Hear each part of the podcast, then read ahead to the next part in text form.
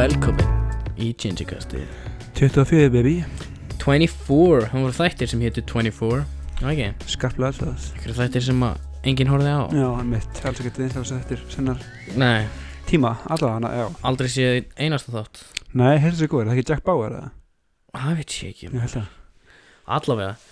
Um, Þáttur 24 um, Nóg gengið á sem við tókum upp senast Það er bara vika senast Við Ég er að fíla hvað mikið að gerast bara week by week núna Já, það. er nóg að tala um. já, og, og hérna og, og svona announcements og fleira. Um, Engin kótt til vikunar Nei, sko, ég ætla að ég byrja bara á announcementinu eða?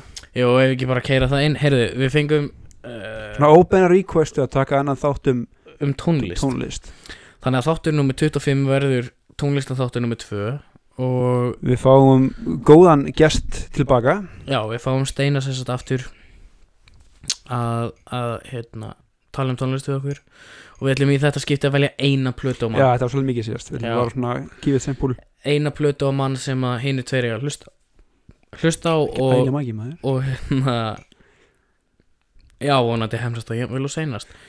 Um, Það er sko, to be completely honest Við höfum verið í smá svona scheduling hell síðustu vikur já, þú veist, þetta er bara búið að vera ógislega ógislega rögt Já, við erum báðum að vera alltaf teknum helgar Þannig að síðustu tvo þætti allan að erum að taka upp núna mánudagskvöldu heim með að steppa já, Þannig að við ætlum að reyna svona að ríða okkur aftur í gang og reyna að halda við upp bara- við, við klikkum á þessu skiplega okkur í byrjun ás bara strax næsti Já, það var sko það var líka orðið rosalega erfitt að ekki, ekki beint gýra sig upp og það er alltaf gaman að taka upp en það er svo ofbúslega erfitt að halda einbyttingu þegar þú ert að taka upp í sko tvo þætti og þú verður eiginlega að vera með hausinn 100% við þáttin sem þú ert að taka upp. Já. Ekki þáttin sem þú ert að fara að taka upp eða varst að taka upp. Og kannski líka aðeins meira skipla á metna við vorum með. Já, það kannski vantaði það vantaði meir upp á skipalið heldur en metnaðin Já, þess að struktúruna Þannig að við ætlum að reyna að ríða okkur í gang og við mitt svona þema þáttur verða þá tólistátturinn og síðan kannski tölulega aðeins meira um current events þá já, þættum eftir á. Já. Um, En talandi um current event það átti að vera eldgós og svo bara var ekkert eldgós Ég sko það búið að líka fucking blúbál okkur í drastlúna bara á Íslandi. Já, að, ég segi, það fór alltaf, hliðinu þegar kom alltaf kom elgós sem kom ekki elgósið og sem núna er ennþá talin að koma elgós já, ég held að þetta sé bara þú veist, jörðin er bara ódreiknarlega sko, af vissu leiti, þú veist Jú, jú, geti komið eldgós einhvern tímann en, en það kemur bara þegar það kemur. En mér varst bara svo fyndið sko fjölmiðla fárið sem að fylgdi fylgdi viðvöruninni. Að, þú veist það er ekki eins og fjölmiðlar hafi haft lítið að tala um ef undanfarið ár, þú veist, það er búið að vera COVID og þú veist fórsetakostningar í bandaríkjunum og, og ég veit ekki hvað og hvað. Um, og svo kemur eitthvað svona upp og það, þau bara fróðu fælla allir fré, fréttameðlar sko. Já, ég veit og hérna en hérna sem við viljum að já, fokk mín Jesus. Uh, ég held að við værum að fara að losna við þetta bara fyrir fullt og allt einhvern veginn. Nei, nei, kallið mig, það er nóg eftir.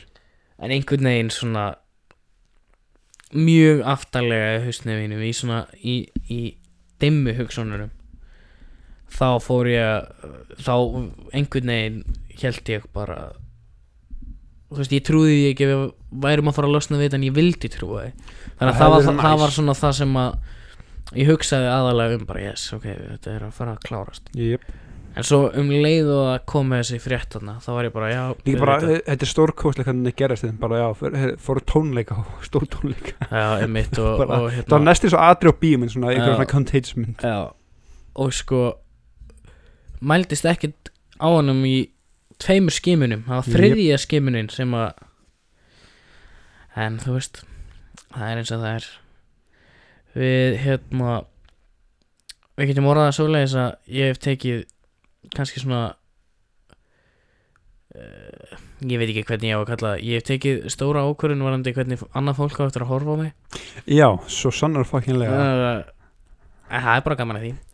Um, ég er að vinna með algjörum meistara um, og við erum mjög góði félagar vinnum allan daginn saman og, og deilum mjög mikið að skoðunum og, á tónlist og svona og, og hann er svona, hún er fyrst gaman að spila tölvuleiki, mér finnst það ekki gaman nema að heiti fútbolmanager og svo var hann að segja mér eitthvað daginn að hann var að spila með vinum sínum sko. og ég gekk alltaf bara út frá því að hann var að spila tölvuleiki Já, ég bara, þetta ekki, vennileg spil, Trivial Pursuit Já. Alias um, Nei, hvað var það, Stefán? heyrðu það var Dungeons and Dragons D&D og Ég ég ætla að hreinskilja þig og þetta mun, sko, ég mun útskrifa maður veit bráðum en ég ætla bara að segja þetta, ég no joke trúði þess ekki fyrst að sagði mér þetta, ég, ég held þú var að grínast Já, sko um, Þau byrjuðu að spila sem sagt, það sem þau eru að spila núna í november og hann var búinn að vera að segja mér svona aðeins frá því og ég var alveg fljótur að fatta að þetta væri Dungeons and Dragons og bara allt, allt í góð með það ef enga fordómaka hvort neini svona. Um, en ég svona persónlega hef aldrei skilið uh, apílið en þegar hann var að segja mér frá þessu hvernig þetta virkar og svona meira þá var ég bara ok. Svo fór hann að segja mér að hún langar svo að spila meira og svona og, og langar að bjóða mér með og ég sagði bara já endilega ég er til í að spila prófa þetta bara þannig að það er það sem ég er að fara að gera. Ég er að fara að prófa að spila Dungeons and Dragons í fyrsta skipti og ég er bara í fullri hreinskinni svolítið spenntur sko. Sko, ok, ég ætla, ég ætla að prefessa það með því að segja að ég held ástæðan því að mínu fyrstu viðbröð voru svona er það að mér langi lóki að prófa þetta sjálfur já já. En Jésús Kristur að, sko, e- eins og ef þau spurt fólk kringum okkur þegar við vorum hvað 16 ára hvor okkar er þið fyrir að detti í Dungeons and Dragons hvor heldur að það hefði verið svarið? Þú hefði verið svarið þú værir ennþá svarið í dag sko. ég held það nefnilega. Um, ég held að þú var þreytur við einleipur Ég held aldrei að ég er svona þreytur að því. Nei, en hérna Ég hugsaði bara með sjálfum mér Þú veist, af hverju ekki að prófa þetta bara. Það er fokkin fleiri miljón manna sem að spila þetta Það getur ekki verið leðilegt Eða þú veist, jú, jú, það getur verið leðilegt En ég veist um að þetta sé leðilegt þú ert að spila með rétt af fólkinu. Þannig að já, ég varpa því á alveg meina Ég sé að fara að spila Dungeons and Dragons Og er bara mjög spenntur þú verður krútlur álfur eða whatever. Já, já, já viltu nerd ára að segja frá karakterinu Nei, nei, ég er svona eiginlega ekki búin að ákveða neitt nema bara svona hvaða klass hann verður. Ú, hvað Ú. klassið það?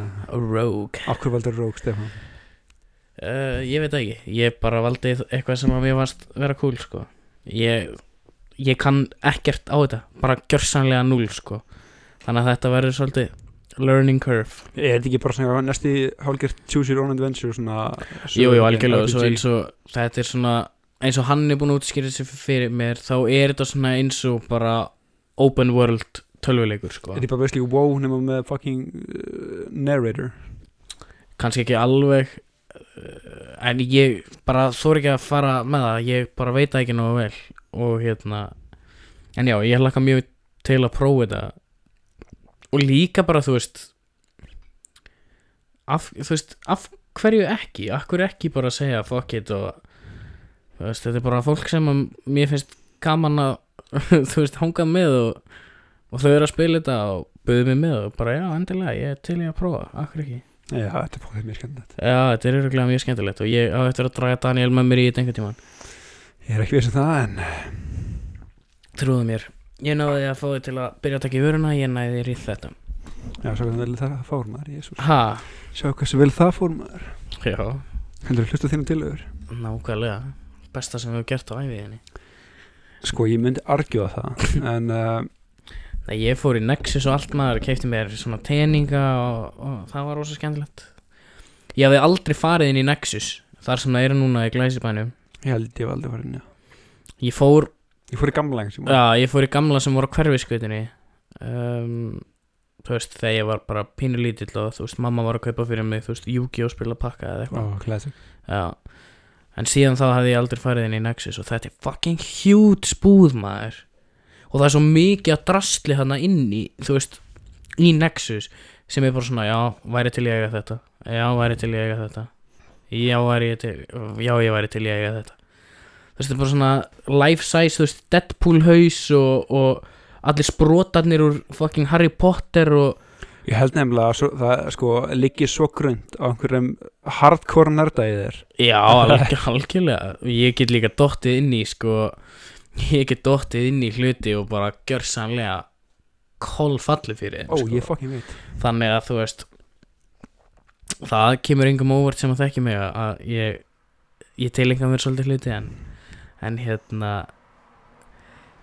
bara gaman að því að, að hérna stíga þarna svolítið inn í heim sem að ég hef kannski ekki alveg verið inn í, ever. Sko, ég veit að það er leiðist í quarantine En sko það er ekki einu sinni quarantine hérna, það er bara þú veist bara að reyna að finna sér eitthvað að gera og svo náttúrulega þú veist það er alveg sektor innan Nexus sem að ég fór ekki inn í og, og, og langar ekkert að pæli í. Svolítið svo efri hæðina blöss Þetta er svona, ok, þetta er næst rúa mittsti Já, þú veist, þetta var hérna æ, bara þú veist, með öllum mangablöðunum og Já, öllum veist, teiknimyndasögunum það, það er ekki fyrir mig persónlega sko. Það er svona blöss ekvivalentið af sko Svona, já, Ok, já. kannski í framtíðin ekki núna Já, þetta er fucking huge búð og hérna, svona innan við þú veist, kassarnir eru sko í miðjunu á búðinni og allt fyrir framann kassana er þú veist búðin og svo á bakvið eru svona hot, þú veist, svona spilahot það sem að voru einu svona spilahópar búin að bóka þú veist pláss. En það náttúrulega má ekki út af mitt. COVID en hérna að já, Ég held þessi stórhællur heim, heim, heimar dettin inn í sko. Já, já, en svo náttúrulega, þú veist Ég hugsa bara Þetta sé Bara ógislega gaman á mér er einhvern veginn alveg sama ef að Ef að ég Dett inn í eitthvað Svona, en svo aftur á móti þá náttúrulega verður maður að passa sig að, að fara ekki allaleg Kemur sem er að taka upp og þú er bara að rúmið cover einhverju blöðum, þú gerir rannsóknarvinnu og... Jú, jú, ég hafa öruglega eftir að enda einhvern tíma þá En Búa- er sko, Búa til mína eigin sögu. Það er líka bara gaman held ég. Er Svona, Steffi King. Gaur, Stephen, ég- herðu, Stefan King? Ég þarf ég þarf að fá ég þarf að fá eitthvað til þess að gera við creativity mitt. Ekki er ég að fara ekki er ég að fara að gefa út plötu á næstunni. Ég bara nenni því ekki. Allt og mikil vinna ég er búin að vera að vinna í því að hérna ég er búin að vera að prófa mig áfram hérna í tölvunni skilur það bara gengur ekki neitt sko. En þetta er, er topic sem ég heldur við aldrei cover Það er tölvuleikir. Nei, við höfum eiginlega aldrei farið yfir það nema bara svona einhver innskot bara ég spila bara fútbolmanager innskot skilur En sko, þú varst ekki alltaf þannig varst- Þú varst FIFA maniac eða ekki? Jú, ég var það sko og það hefur einhvern veginn sko í fullkominni hreinskilni þá hefur einhvern veginn aldrei neitt annað komist fyrir hjá mér heldur en uh, fótballaleikir sko en, en hérna, þú veist ég datt aldrei almennilega inn í Call of Duty til dæmis. Nei, ég eða, eða Battlefield eða ég datt aðeins inn í eða datt reyndar alveg vel inn í Borderlands um, það eru rosa skemmtilegi leikir en, en svona ég klárað fyrstu tvo Borderlands leikina og eitthvað, eitthvað pre-sequel leik þannig ég klárað þrjá. Um, en svona fyrir utan það þá eiginlega ekki, hef ég eiginlega ekki spilað neina töluleiki af einhverju viti sko. Bara Football Manager er the first and only love. Já hjá þér, definitely. Þú Sko, hún, Þú spilaðir svolítið FIFA en þú spilaðir FIFA pínu bara out of necessity sko. Já, þetta var, ég spilaði bara karriere mót sko, það var bara FM er svo fucking overwhelming leikur að komast inn í sko, þetta er svo mikil learning kurva að, Já og þegar þú loksins dettur inn í þetta þá er engin leið fyrir þið út. Nei, það er svolítið Það er sko. svolítið svoleiðis og ég hugsa að sé svoleiðis með fullt af tölvuleikjum sko. Ég líf bara þælt ert búin með tölum bara grípur og hendur nokkar leikiskilur og þetta er svona Já, hendur í nokkra leiki sem að verður svo fuck, Já. klukkan er hann tvö. Ég ætti kannski að fara að sofa. True, já, það var ekki langt frá fucking nótt að gera þetta. Já, ég hef gert það ófáðsinnum En ég, svona, fyrst við erum á topikinu á tölvuleikjum, sko, það er það er svona viss uh, heimur innan þess að tölvuleikja heims í rauninni sem að ég hef aldrei náð að komast inn í og það er kannski út af því að ég hef aldrei verið með PC-tölvu eða, eða neitt en það er þessir það er eins og LOL League of Legends og, og, og Counter Strike Ég hef reynd að komast inn í báða failed miserably. Um, ég hef líka reynd við báða. Ég reyndar svona einu sinni á ári þá tvisur ári þá spila ég LOL sko en ekki oftar en það. Og það er svona þegar ég hef algjörlega núl að gera og mér gengur ógislega illa í fútbolmanager sefinu mínu skilur þá er eitthvað, á LOL þarna." Ekkert meira frustrating en gangi illa Ah. og Counter-Strike, ég ég við einu sinni spila Counter-Strike og það var í tölvunna steina og ég var eitthvað að spila þú veist og hann var eitthvað að sína mér og þú veist ég gæti ekki hitt neitt ég var bara svo fucking lélugur og ég hugsaði heyrðu, nei ég held mér bara við fótbollaleikina mína Svo ég reyndi að komast inn í matten manni Ég spilaði hann tímuli Það var svona þegar ég var að komast inn í NFL fyrst sko. Já, sama hér sko. Ég spilaði, ég spilaði kannski Madden Madden 15 eða eitthvað ég alveg, ég alveg þú veist 50 klukkutíma eða eitthvað sko. Um, en það var einmitt þú veist, þá komst ég inn í amerískan fótbolta og svo fór ég bara að horfa á amerískan fótbolta og nefndi ekki að snerta Madden True. Einu svona annan leikur sem ég virkilega dótt inn í og kláraði er Assassin's Creed. Já, og Civilization. Civilization er eru geggjaði leikur. sko. Civ 5 og 6 er Þú ekki bara, það komið sex, Sex, held ég. Þú bara, þú þarft að algjörða svo fokkin miklum tími í hann eða ætlar að spila Já. rétt sko. Já, algjörlega. Ég held að ég hafi spilað Civilization 4 Er það ekki leikurinn sem var fyrstur að koma á, á konsól? Ég manna ekki. Allavega, ég spilaði einhvern Civ-leik á, á Xbox 360 og það var ógeðslega skemmt eða þú veist ég skildi hann eiginlega ekkert sko. Ég var, Ég skil henni ekki ennþá, ég hef spilað ég var, leik með ég var svo þú veist, ég hef verið 12 ára eða eitthvað og þú veist, ég bara valdi alltaf rómarveldi og, og var að reyna að þróast og þú veist, ég veit ekki man ekki alveg hvernig leikurinn virkar sko en hérna, Ég man bara, ég, núna hef spilað, ég reyna bara að speedrun hafði komið í kjarnakorsprengju og síðan viljum ekki það sem líka ekki vilja að bomba hann bara í drast að, að ég hérna, það er enda reitt annað sem að ég hef dótt inn í náttúrulega og það er Guitar Hero. Já, ég komst aldrei þannig Nei. þú ert ekki að voða músikanskur og bara engan veginn. Þannig að Guð minn góða fóldur mín reyndu Ég Já. tók ári píjánu, ári hljómborð, ári gítar, tvö ári gítar meira þess að Jesus. Ég get Jó, já, ætli þú getur ekki spilað Smoke on the Water Jú, reyndar. Nei, veist, ég kann, úst, örfá greipa gítar Ég kann engin greipa píjánu mm. Ég kann samt spila Westworld theme song í manni Já, En svona, það var reynd að berja því að pappi og mamma kunni bæða píjánu já. Pappi alltaf með hljómborð heima og hvað sko. Þau eru bæði nokkuð svona músikalsk mm. Ég bara klikkaði ekki á mér og ekki á bróðum minn sem minn heldur sko. Nei, Það var bara, já. Nei, ég man að ég fekk Guitar Hero í, í ammæleskjöf Guitar 2 í ammæleskjöf frá mömmu uh, bara þegar hann kom út sko. Og ég held ég að við spilað hann á hverju meinast þetta í klukkutíma. Þú veist, ég fekk svona 12 tíma skilur Já, með spilað hann á, þú veist hverju meinast þetta í klukkutíma í þrjú ár sko, sama leikin á, Alltaf play, á Playstation 2 sko. Alltaf spil, ég spilaði alltaf alltaf, ég gæti ekki allt hitt sko. Já, ég man sko að það var rosa gaman hjá mér veist, þetta voru veist, easy, medium, hard og expert veist, voru erfiðleika stíl og ég man þú veist hvað ég var gladur þegar ég spilaði fyrsta lagi mitt á expert maður að ég fór og sagði öll, allir í fjölskyldunni frá því sko. En hérna já, Guitar Hero maður geggja En samt svo mikið waste af plasti sko.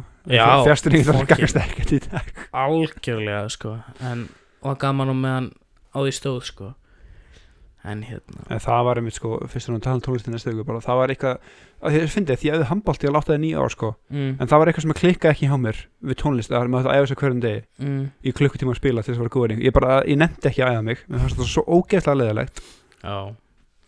Það ekki, það, ég skil það alveg Að fullkomlega spila sko. mæja á því lítið lamb Sexinu við röð Mér langaði að freka bara að berja hausnum mínum í fucking píanóði sko. Já, ég held sko að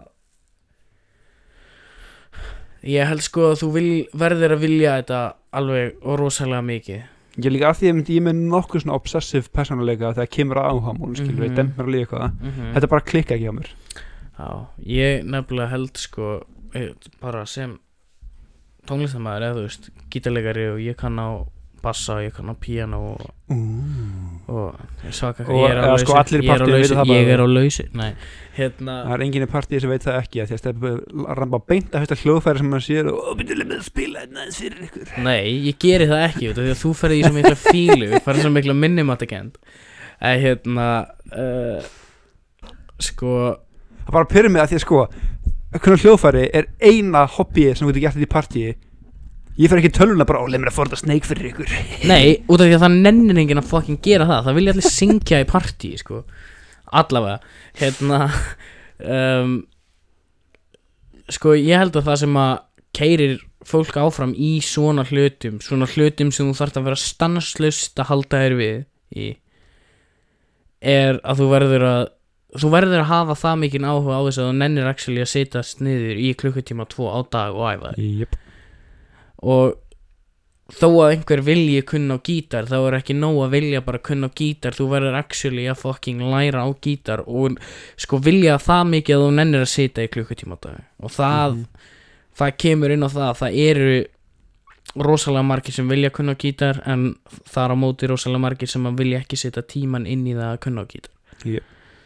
um, sko eins, eins með allt bara. bara sem, ég var sjúklega til að kunna piano en kurvan frá því að byrja að því ég get að spila eitthvað cool er svo ógeðslega löng og brött ég er bara svona, nei, ég nenni ekki að byrja frá byrjununa ég held samt sko að, að það gæti verið og þú veist ekki taka þessi vittlust það gæti verið að þú hafir kannski komið inn í það að læra á píano svolítið vittlust Pottet. Að þér hafi kannski fundist að vera eitthvað sem að mamma þín og pappi settu þið bara í og þú átti bara að gera þetta. Ég, ég held, sko, þetta er ekki það veist, ég, svona, jú, ég nefndi þess ekki ég bara skildi ekki á þeim tíma að þú veist, ég, ég fatt ekki af hverju það er þessu. Það var bara ekki, það var svo heimavinna skil ég bara, Nei, ég þetta var svona, skil ok, ég fattaði ekki á þeim tíma að, hei, ef þú gerir þetta eftir 2-3 ár, það getur þú fara að spila eitthvað nett, Já. það var aldrei svoleiðis með gítar hjá mér. Ég, ég, þetta var alltaf svona markmið að þú veist ég var alltaf að miða við ný markmið. Þannig að þú veist, ég spilaði þetta og svo ætlaði ég að fara að læra þetta. Já, En ef þú ert bara að setjast niður og eins og þú segir spila Maja átti lítið lamp þú veist hundra sinnum í röð þú, það er ekkit það er ekkert skemmtilegt við það sko. Nei, og líka sko, að verða en það að, ég veit ekki hvernig- þú lærir að píano, sko, en svo hjá mér, það kefði eitthvað tónlistabækur Já, þetta voru ekki svona lög, þetta var bara að kenna þér sko fingersetningun og svona Já, og já. þetta bing, bing, bing, bing. Ég- og það að gera tíu sinni bara, veistu hvað, nei, ég ætla að fara að leggja mig. Ég lærði bara á piano um, út frá því að nota tónfræðina sem að já, ég kann á gítarnum, gítar já. skilur og, og prófaði mig bara áfram. Um, en þú veist grunnurinn bara í að þekkja hljómana og þekkja skala og í hvaða röðir ég að vera og bla bla bla skilur þá, þá get ég fikra mig áfram bæði út frá því að kunna gítar á piano og á bassa. Um, þannig að það er þú veist, það er algjör luxus Hver, já, ég man svo vel eftir einhverjum en þá var ég að eitthvað að prófa að taka mig upp og spila gítar eitthvað svona sem ég manni hvað laðið var sko. Já, það var að hústa Nokia N95 skilur þetta var svona taka sími sko. Já, já. Stiltum upp byrja það og spila sem var með einbátið og eitti og ger, tók aftur upp þrísverru að því ég hugsa alltaf bara þetta hljómar hræðilega, það er alltaf síminn sem er bilaður ekki að ég Mhm. glatar á gítar. Það var bara bútsir að fokkin hljómunum sko en ég er alltaf bara, nei, þetta er síminn. Já. ég er ég gekk ekki En svo er líka í þessu sko að sumir sumir eru bara með veikara tónera heldur en aðrir. Þannig að þú veist eins og sko á milli mín og Steina er Steini við miklu miklu miklu betra tónera heldur en ég. Tókstu ekki tíma að kunna fyrir hérna íslenski erðagreiningu en að tónir Nei, Ég er nefnilega, það komur over, ég held nefnilega ég var hræðilegt Ég skoraði nokkuð hærra en ég bjóst við allan að því. Já, ég er nefnilega sko ég held að Steini sé svona alveg nálægt í að vera með perfect pitch. Já, og því að hann er rosalega fljótur að heyra ef að veist, ef ég er að pikka upp eitthvað lag eða, eða eitthvað, ef við erum að spila saman og ég er að kenna honum eitthvað lag eða við erum að pikka eitthvað upp saman þá hann spilar á piano og gítar líka. Ég kent honum reyndar allt sem hann kann á gítar.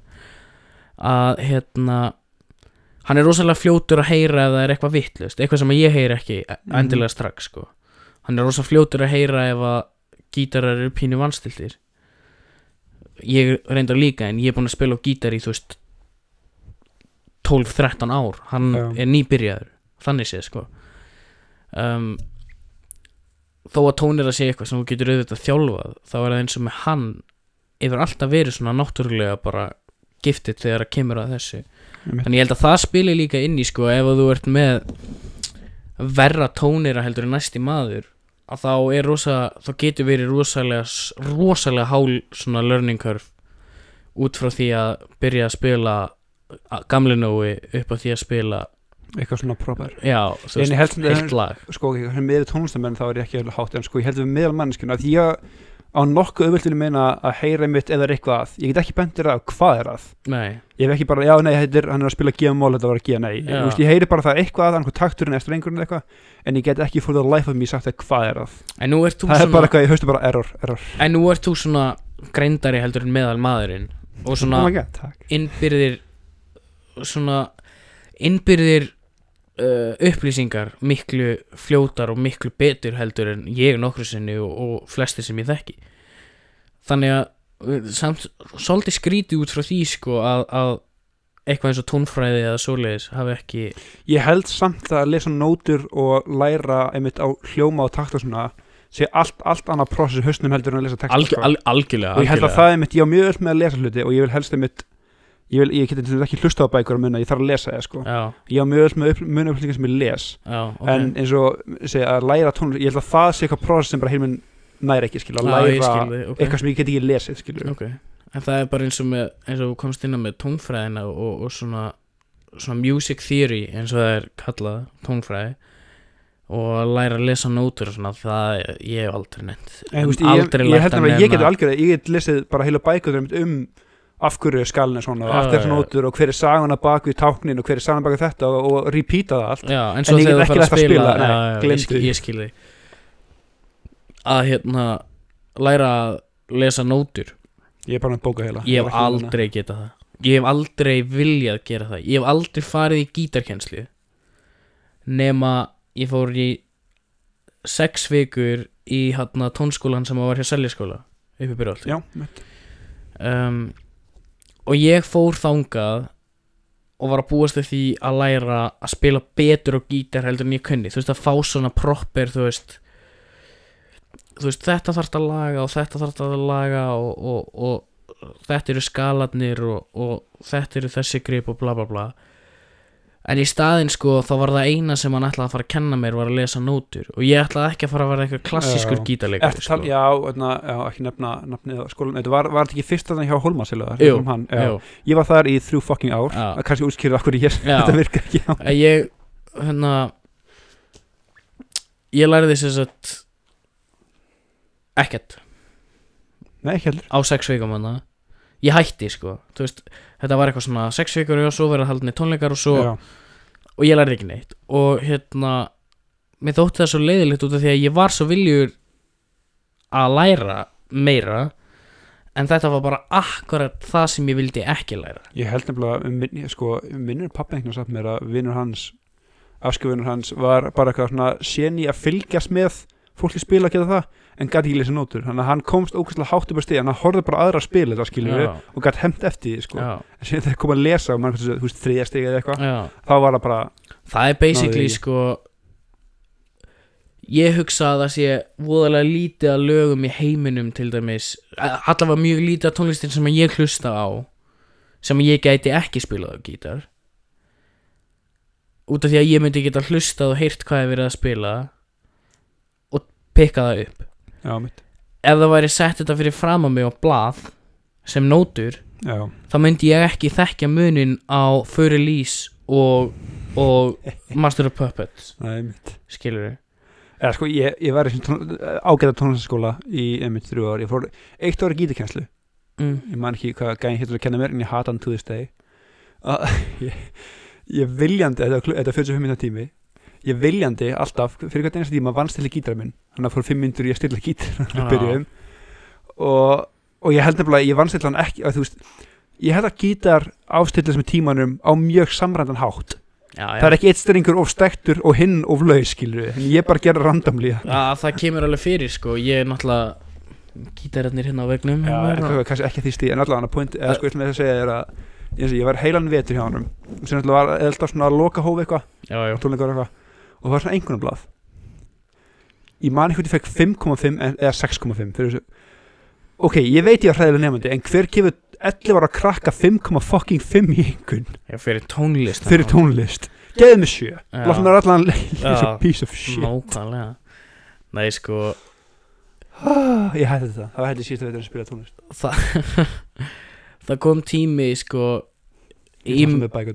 Já, ég góð nákvæmlega. þar En það kom tími í mínu lífi þar sem að ég var ekkert eitthvað svaka mótiveraður að spila á gítar eða, eða halda áfram að, að spila tónlist.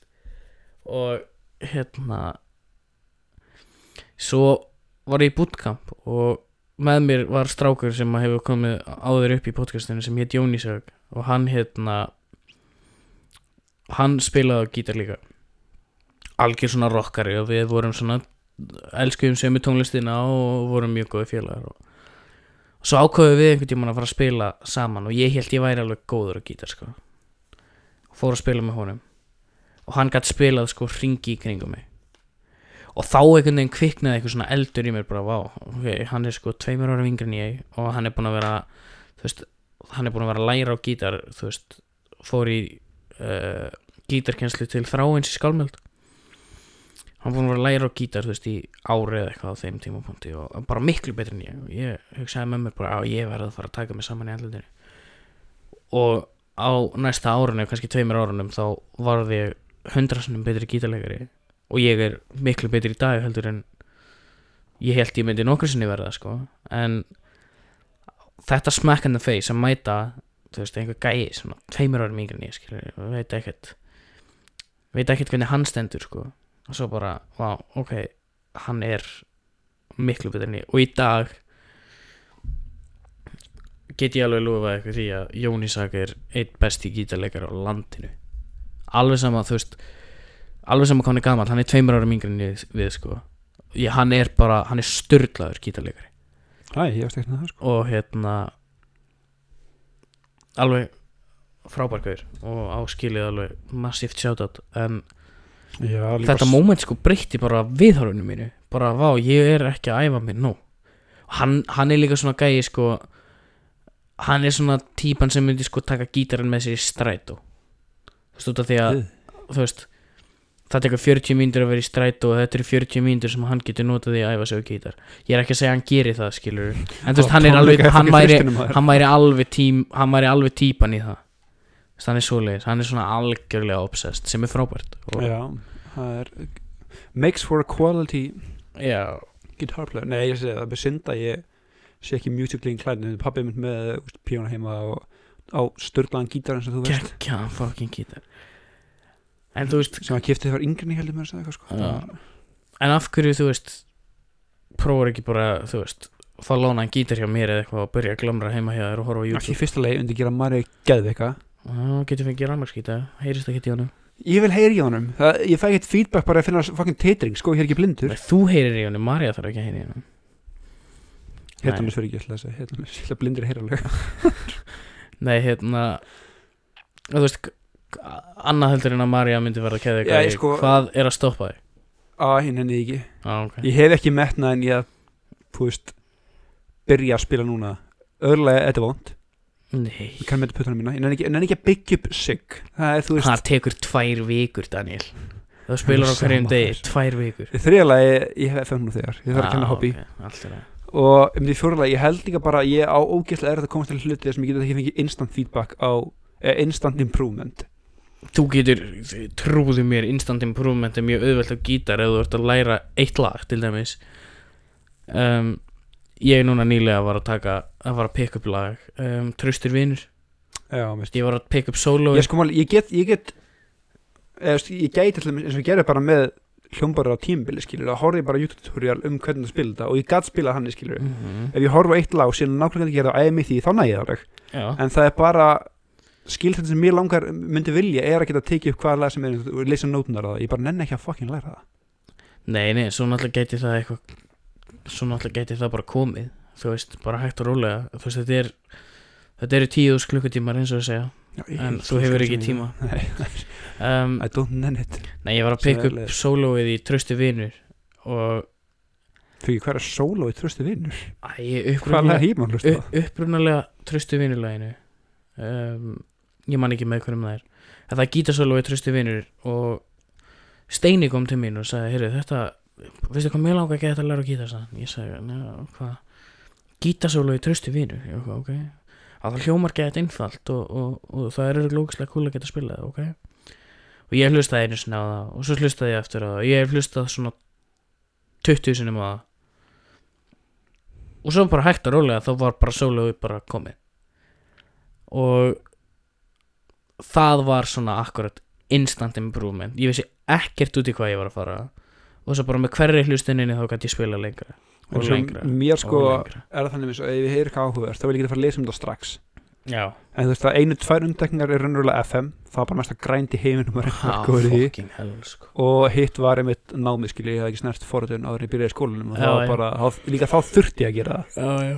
Það var ekki val sko fucking FM grændið maður. Það er, eh, sko, það tók mig alveg svona 8 til 9 mánu að vera góður í þessu leik. Eða svona að vera decent komið það stig að ég þarf ekki introductioni þegar ég byrja nýtt save basically. Já, ég, og samt þegar maður fyrir bara, að já, þetta er hérna já, ég glimti því.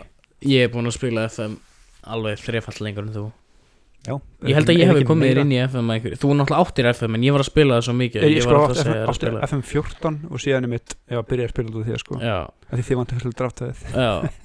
En svo vorum við að sko ég er ég myndi segja ég sé svolítið góður í FM og ég er mjög fljótur að gera gott lið og lélugu liði.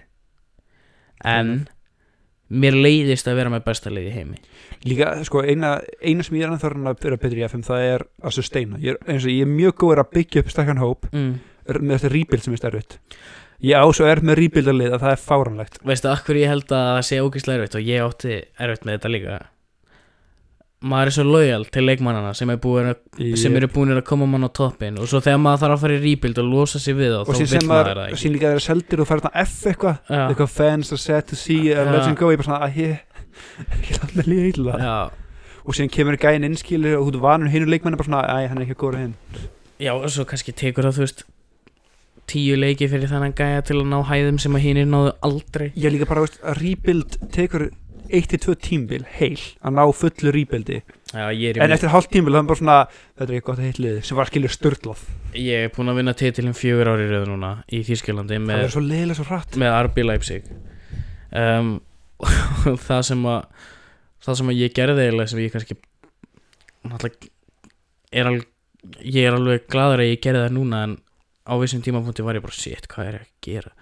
Var ég vann deildina sem sagt annar árið í röð sem ég vann deildina en ég vann deildina bara með einu stíð og ég var rosalega ósáttur með það út af því að á pappir var ég með langt besta lið. Mm -hmm. þannig ég seldi sjö af 11 byrjunarlegsleikmanninu mínum. Já, og byrjaði bara upp á nýtt. Svo vann ég deildina tímabilið þar á eftir og tapaði engum leik þanga til í senasta leiknum þá tapaði ég. Þannig ég hef ekki ennþá farið gegnum heilt tímabil án þess að tapa ég náði einu svona, ég náði einu svona sefinu mínu sem ég var hætt í bara að því að ég mitt þá var nýjum þýstildum fristurröð, tók eitt tímbil undefeated og ég fekk bara svona ógeðslega leið á þessu. Veist, það var bara svona yfirbur að að ég kom inn á 2029 eða eitthvað. Að ég kom inn í 2026 núna og ég er alveg einmitt að fá svona annarkvort fer ég eitthvað annað lið í þessum heimi skilur þessu seifi eða byrja bara upp á nýtt. Ég líka, ég ætla að gera það nema engin að því, ég kom þann stað ég þurfti að taka það stórliði mm. til þess að nenn að skipta nema stórliðin ráku engan hann var aldrei skilur það er alltaf einhver Ný að- þjálfari. það er alltaf einhver að missa vinnuna hjá mér og alltaf þegar líka í nýsælu mínu þannig, Já. en það var ekki þessu alltaf þegar ég fæ bóð frá einhverju stóru liði þá er það akkurat, þú veist, shit maður ég á þú veist, þetta, ég er á miðju tímabili en ég er ekki að fara að fara núna Nei. og líka þessu einu gallin við FM er að þú veist þetta aldrei fyrir en þú er komin á í seifi en þú veist það er komin að þannig stað að Regents eru farin að koma inn í liðið mm, annarkvort verður leikurinn sexun skemmtilegri af því Mm. að stórliðin fá geggja Regent eða hann verður hundleðilur að því að allir fá svo lélega leikmenn skilu og Já. stórliðin verður bara léleg það, það yfir- það er yfirleitt best sko þegar að það er að koma inn leikmenn úr að svona regions þá finnst mér einmitt best og ég kendi þér þetta trikk líka að vera bara með augun á Suður Ameríku Jöp.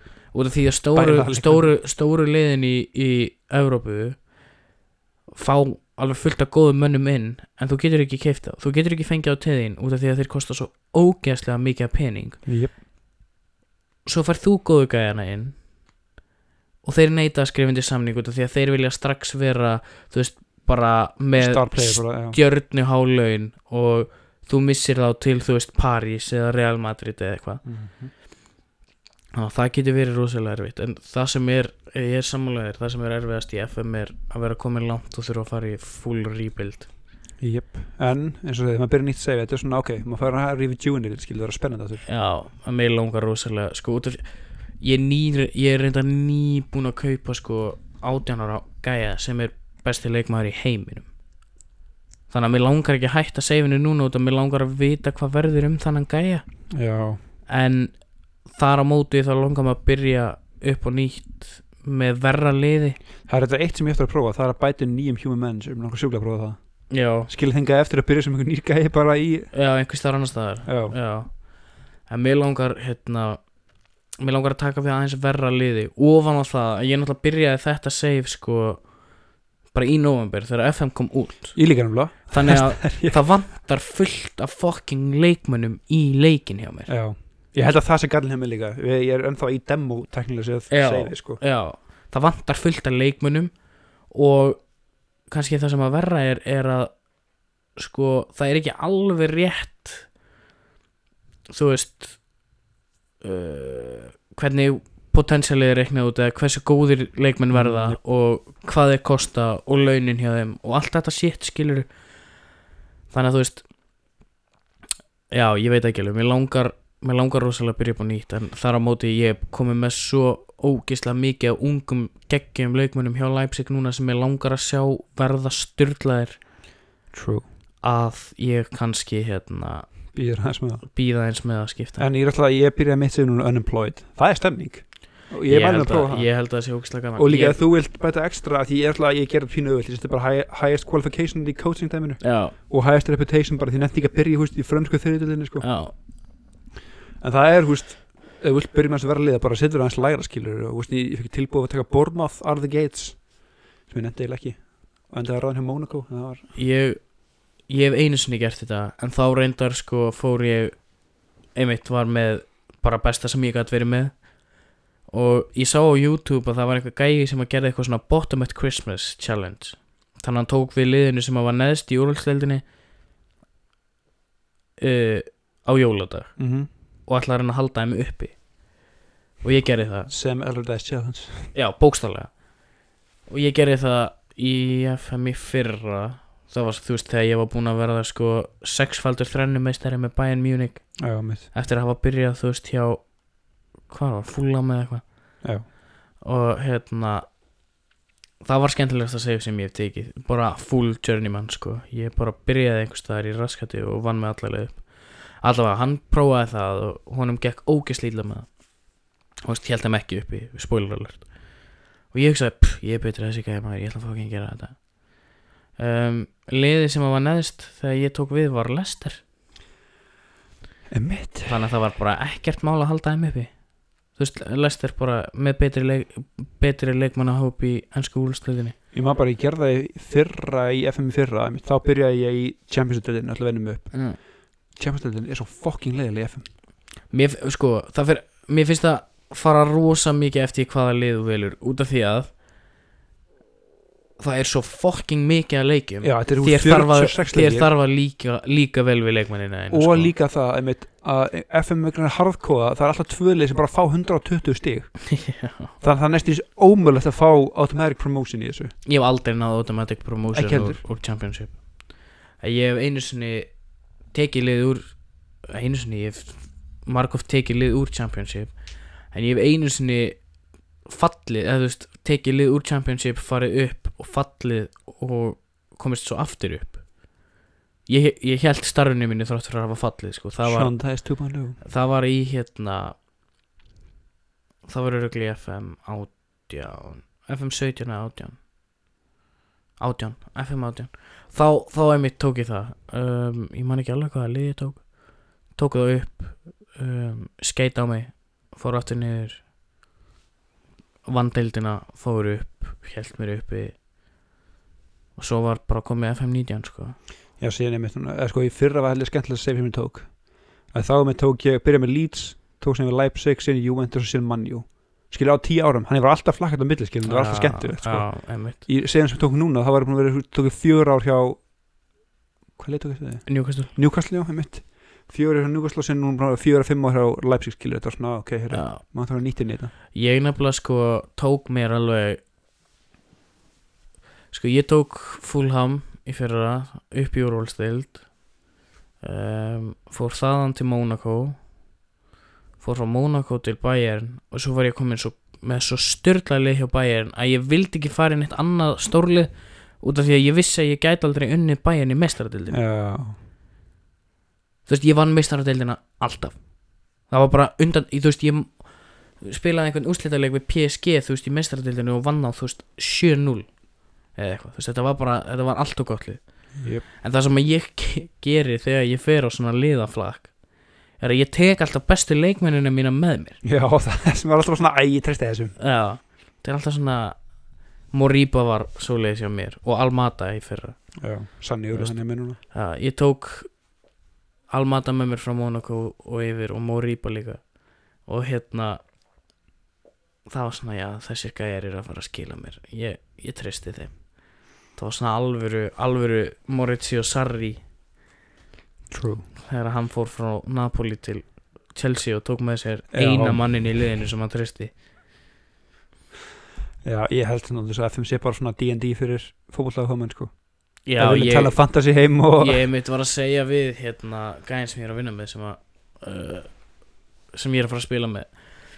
Ég sagði við hann að þú veist, ég hugsa að spila D&D sé ekki það frábriði því að spila fútbolmanager þú ert, þú ert bara að spila með fleira fólki og þetta fjallar ekki um fótbolta þetta fjallar um einhverja einhvern fantasy heim Jep. og en bara, þú veist, af því líka að þú hefur áhrif á heiminn ef þú vilt fokka upp fyrir þjálfara þá getur þú mjög auðvitað að fokka upp fyrir þeim sko. Segir sko bara leikina þeirra og læta að tapa það er mjög auðvelt að toppula einhverjum stóru þjálfara sko.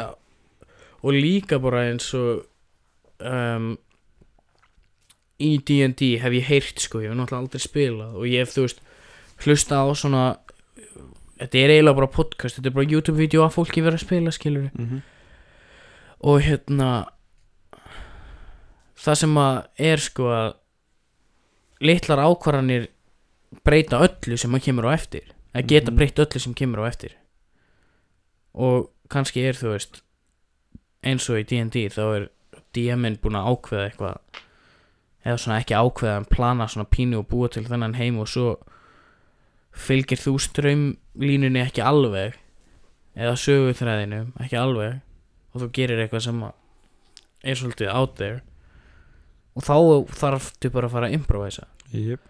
versus í FM ef að besti leikmaður þinn meiðist og þú lendir í 11. sæti. Já, þá er bara allt, það er búið að fokka öllu upp fyrir þér. Og þú missir hausinn. Já, missir hausinn en ennir ekki meir nei, ég held að, sk- wow flottið stáku Thank það bara að beða á mútum. Já, ég það stóðst okkur. Já, nei, ég held að skallið parturinn FM er orðið að vera aðdælulegs en skytið það hljómar. Ég hef aldrei verið reikin í FM Nei, ég, ég- hef nokkru sinnum verið mjög nálægt ég hef hér reikn en þá en ég hef oft hætt. Já, mér, wow Mér langaði að hætta eftir fyrsta tímabili mitt með Leipzig í seifinu mínu núna. Líka, ég veist, maður skrifa allir nýja samning fimm ára, sem tímbil eftir bara svona ég nenni sér lengur. Ég reyndar, það er ekki búið að Ég er búin að framlengja einu sinni við það. Já, Ég veit ekki hvernig samningur minn rennur út En hérna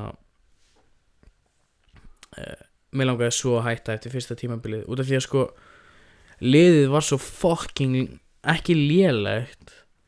Það var mjög, þú veist, þetta eru fínustu fótballtamenn En kerfið sem að ég vildi spila Meikaði ekki sens Út af því að það var engin leikmaður í þessu fucking liði Sem að gæti spila þetta kerfi. Þannig að Og svo fekk ég ekki nóga pening til þess að eyða í veist, þannig að þetta var bara eitthvað svona, ég þurfti bara að búa til svona stopgaps. Já, sem endur á því að vera frábær stopgaps út af ég vann deildina. En svo náttúrulega verður þetta líka svona ekki peningaþóttupmynd en þú ferð að þú veist þú ert basically að treyta í þessu. Það er mjög stór partur af þessu fyrir mig. Ég kaupi leikmenn á lágu verði spila þeim smá eða lána það út og gefum selja reynslu. fyrir- svo selja þá fyrir tvöfald, þrefald yep.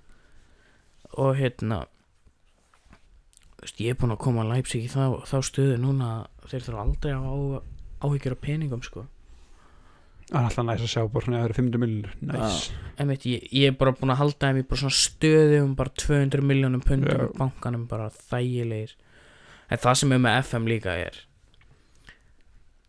að dítilið sem er hægt að fara í í þessum leik mm er öruglega sko þá er ég ekki að tala um eitthvað svona grafik grafik details eða þú veist eitthvað svona kæftæði heldur bara svona behind the scenes bara spreadsheet info detailið sem er hægt að fara í í þessum leik hvert einn sem segir bara býr til Já. lore basically. er ekki, þú veist þetta er ekki eðlilegt er hver er bara, einasti leikmaður sem er í FM þegar þú byrjar er með bio já, og sögu og Já. stats og veist, veistu hvað þú getur verið með marga leikmenn í FM eða þú lótar allt hundruð þúsund eða ekki Já, þetta eru fleiri hundruð þúsund leikmenn. Þar á meðal þú veist leikmenn í sétildinu á Íslandi sko. Mm -hmm. ég meisa snill, líka, já, meisa snildi FM þú spilandi í allir heiminu Já, ég reyndi þú taka að segja með valið eitthvað? Nei ég tók afturöldingu Já. og það gekk ekkert rosalega vel. Um, út af því að reyndar sko ég ég náttúrulega fjall ekki með þeim. Ég fór með þá mjög hátt í annari deild eða fyrstu deild. Komst í úrslitin í byggarnum, lengi byggarnum og tapaði fyrir val. Og það var í fyrsta skipti í sögu afturöldingar sem að þeir komist í hennan úrslitaleg Þú veist, þetta er dítilið, Já. þeir vissu það FM vissi það, að, mm Mhm. að þeir hafði aldrei spilað þennan leik á þeir líka búið til alla leikmennina sko ég myndi að bara Já. búið til attributin Já, það er hérna Kári Átnason hjá í þriðlinni hann er með svona sex í sendingur já, bestu bestu njósnarar, bestu skátanir í heiminum eru að vinna við það að búa til fútbolmannsi mm -hmm. þeir eru ekki að vinna fyrir fótboltafélag og segja hei, köfti þennan þeir eru að vinna fyrir fútbolmannsi og segja þessi gæi hérna verður fucking störlaður í framtíðinni hafðu augun er magna Og þess vegna- og- og þess vegna í alvöru fótbolta þegar að þeir keifti eitthvað svona fútbolmanna til stjarna í eitthvað svona stórt lið já. eins og núna, þú veist, Fabio Silva fór til Wolves. Já, þú veist, og Eit Núri fór til Wolves. Og hérna uh, Pelestri fór til Man United og Já. eitthvað svona Antoni fór til Ajax maður er bara svona oh shit. Hvað haldið að margir samt, hvað heldur að margir leikmenn hafi verið kifti bara út á FM potential bara eitthvað wonder kids og eitthvað? Fullt, bara eitthvað þjálfur að spila FM og kvöldi bara, heyrðu, já, Ressika, já, ok. Fullt, fullt, fullt. Það var þessi, tímabili sem að Watford komu upp úr Championship upp í Premier League þá keftu þeir einhver gæja, ég man ekki hverða það var nákvæmlega. En þeir opinskátt sögðu það við keiftum hann út af því að við skáttum hann á fútbolmann Ég segi, myndum ekki, okkur myndir að eða peningi að þú, þú venjulega gæja, þú bara skora FM, finnur góða gæja og sem sendur gæjan að skoða þá bara? Já. Það er basically sko, það kemur mér ekki óvart þó að það væri fullt af fucking klubum sem að gera það. Mm -hmm. um, og þú veist, ég hef verið næstum þú veist með 11 passingin í FM Já. Bara þú veist um, heyrðu já, hérna eru gæjarnir sem ég fann sem eru Wonderkids í fútbolmanager en það Chief Scout, þú ætlar að að sæna þetta þið farið allir og horfið á tíu leiki með þessum gæja og segja mig hvort þetta sé rétt eða ekki. Ég er líka bara að, að, að ég spilaði FIFA á henni fyrir FM bara transitionið úr FIFA í FM það er shellshock döðans Já, ég hugsa að transitionið úr FIFA í FM er svona eins og transitionið úr því að spila ekki D&D og spila D&D Þú veist, þetta er það stórt hopp. Þú veist, þetta er allt í einu bara eftir komin inn í einhvern heim sem að er bara þú veist, detail level og þú getur í rauninni bara sem knatsmyndistjóri gert það svo þú fucking vill Þetta er að fara, fara úr lút og yfir í D&D Já. Og hérna Nei og detail levelið sko ekki bara varandi leikmenn heldur varðandi klubbana varðandi fréttaveiturnar Mhm. og twitterið og sko ekki twitterið official heldur twitterið in-game. Jep. Um, allt sem tengist fjár, fjárhag mm -hmm. um, allt sem tengist þú veist reportunum sem þú farið á liðið Já, sér nú ertu farin að fá Um, sjúka tölfra leikmenn bara já, hann er þriðji í seri A skilu í sendingum hefnaðar eða eitthvað. Með þinn besti eða verður nú fimm skilu já. Og hérna það var rungjafnið þau tölfræðinga. Og hérna uh, sem sagt æfingar hvernig þú getur sett upp æfingar og uh, meðsla info og allt svona þetta er bara það kemur mér í alvörunni ekki óvart þó að besti fútbolmanager spilar í heiminum er þið bara fín knatsmyndistjóri í alvörunni Jöp. út af því að það sem þú ert að halda utanum raun, ef þú spilar fútbolmanager 100% þá ertu að halda utanum fictional fótboltaklúb Er þú, spil, þú veist, gerir þú hérna æfingarna, skilur, skipilegur þú það er? Ég geri það ef að leikmenninni mínu fara að væla. Ef að aðstofa minn er eitthvað að setja upp einhverjar æfingar og fullt af leikmennum hjá mig byrja að kvarta Já, það hefur komið upp hjá mér sko að leikmenninni byrjum fund út af því að þeir eru svo ósátti af æfingar. Hvað þjálfur hann að gera þetta? ég raka aðstofa þjálfur um, þá set ég upp sjálfur sko en það Já. er yfirleitt ekkert meira heldur en að þú veist ef þeir eru ógist að pyrraðir út í hvað þú ert að þjálfa quickness mikið eða þeir vilja meira strength training eða bla bla bla Mm. þá er ekkert mál að fylla bara eitthvað slott með því. En þá æfa þeir bara meira ef þeir eru svona væli við því að þeir vilja meira af þessu. Ég er mjög glað, ég mann það svo mikið í leiknum í fyrra einmitt, hvað var kvörtu ógeðslega mikið í ræðingum. Það hef er ekki minna núna. Ég hef ekki orðið mikið að varða núna sko. en þeir eru miklu fucking frekari með samninga núna fyrst Guð minn góður, já Og ef þú ert ekki með aðstofþjóðlara sem eða direktor fútból sem er yfir 15 negotiating þá verður þér skölfakað að gæinn hjá mér ég er alltaf að reyna að replacea en eini gæinn sem ég vil fá Vill ekki, já, vill ekki Hann vil alltaf vera á lýts Hvernig hann er að vinna gott jobb þar allavega. En sko all, öll svona allir ungir gæjar hjá mér sem eru með yfir fjórar stjörnur í potential svona fjórar svona þrjára hálf til fimm stjörnur.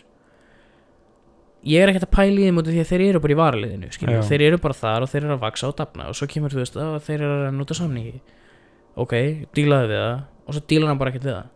Já, eða gefa einhvern hjút samning og spiltíma sem þú getur ekkert sustainað. Já, það er annarkvort það eða þú veist, býður þeim að vera sko emergency sub eða fucking fringe player bara nei nei, þú veist, þessi gæi er alveg nógu góður til að vera player en ok, núna er hann í fílu og vil ekki framleika og við missum hann og svo kemur hann og skorar á mót okkur í úslitum mestaradildarinnar Þetta er mjög spesifik Er þetta eitthvað?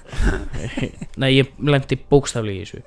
Ég man eftir. Já, já brjálar En Það er ógislega gaman að þessu. Við erum búin að fucking tala um Svo, sko, svo Nýs shit í þessum þætti. Þetta er búið að vera heillandi fyrir einhversu spil Þetta er búið að vera leiðilegasti þáttur í heiminum Fyrir fólk sem að veit ekkit um fútbol, fútbolmanager eða, D&D.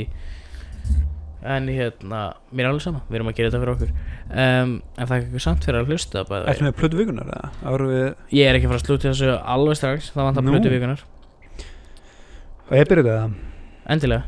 Uh, Ég kom með tónlist síðast ég ætla að hata með uppstand núna Ok, spennandi. Old but Gold Þetta er Comfortably Dumb með Bert Kreischer.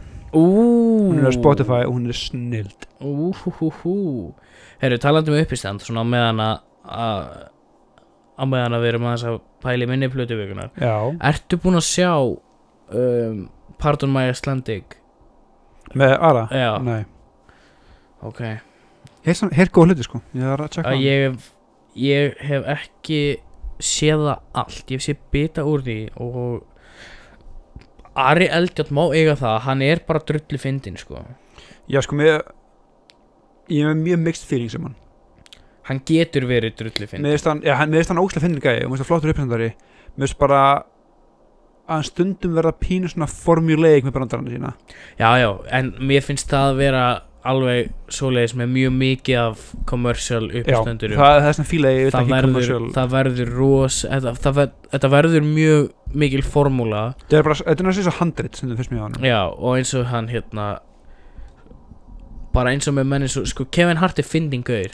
Ég, en ég nenni ekki að horfa uppstönd finnst hann, hann Það eru nokkur nefnilega sem hafa orðið Ansís Asari Aziz, um, Kevin Hart, Gabriel Iglesias Já, Ég ætla að fá að segja, ég veit að þú ert ekki samanlega mér Hann skal ég segja þér Kristi Lía, mér snýðist að hans glatað. Ég er ekki búin að sjá það reyndar en Man on Fire eru gleitt af mínum upp Hanna já, því að horfir á fyrstu þau eru alltaf geggjuð. Já.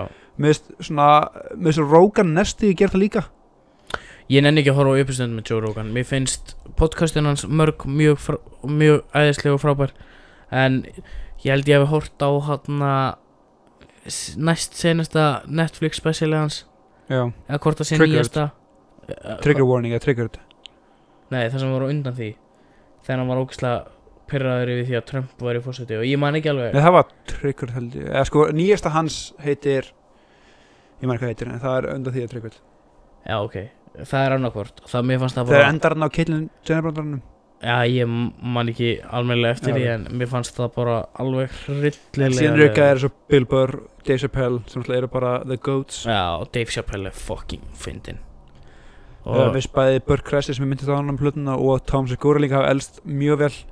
Því þeir eru bara að halda sér innan sinn stíls. En Burt Kreischer er líka sko, hann er svona gæi sem þú horfir á og þú býst ekkert endilega við því að hann sé ógislega fyndin Nei. um, þú veist, að því að, að mér finnst allir svona commercial þeir verða sami gæin finnst mér, sama típa. Að mörguleiti já. Og en, svo eru gæjar svona sem að reyna bara að vera fyndnir á því að sjokkara fólk.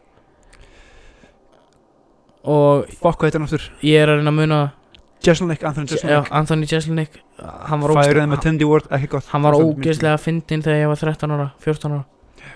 En hann hérna uh, Hvað heitir hann bretin hann að Jimmy Carr. Jimmy Carr ég horfði á special með honum og það var svolítið upplifun út af því að það var ógeðslega fyndið í 10 mínútur, 20 Já. mínútur kannski en svo fannst mér þetta að vera sko sami brandarinn Hann er svolítið það, sko. Hann og Justin eru og svolítið þannig, sko. aftur og aftur, hann var bara orðaður öðruvísi og svo þetta með þarna það sem að hann gerir mjög vel uh, strax þóttu um hvað hann heitir Carr Já, Jimmy Carr Það sem að hann gerir rosalega vel reyndar Það sem að ég sé ekki marga gera Er hvernig hann notar sko áhörunduna Já.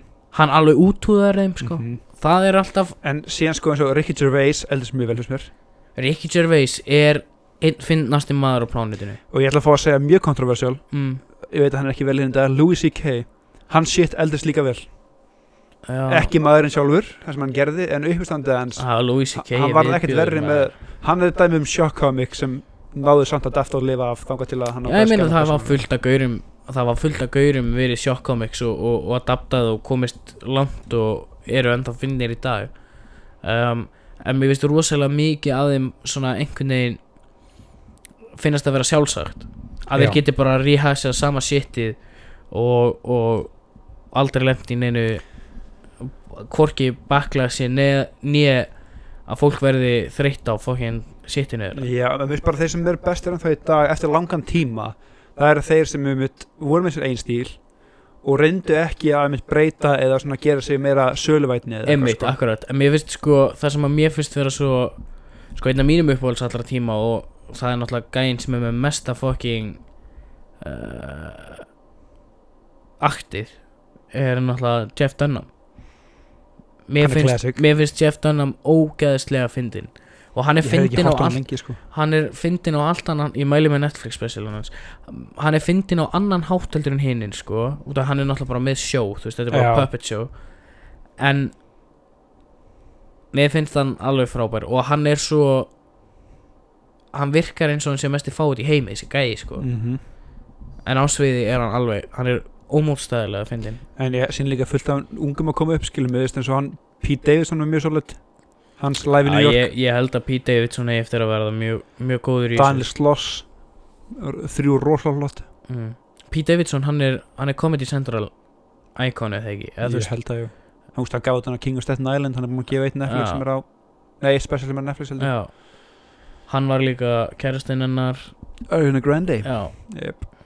geggja, geggja En uh, Hlaðveikunar þér Stefan? Plata vikunar hjá mér Það Sko hvert ef að fara með þetta? Þú varst með upp í stand Þú ætlar að láta fólki hlæja Ég ætla að láta fólki verða gjörsamlega Trippin. Plata vikunar frá mér er The Bends með Radiohead. Og að því Já. Já. Þannig við erum með hvað sagður The Bends með Radiohead. The Bands og Comfortably Dumb. Með Burt Kreischer. Yes sir. Og að því sögðu þá þakka ég kærlega fyrir að hlusta. Og ég þarf að barna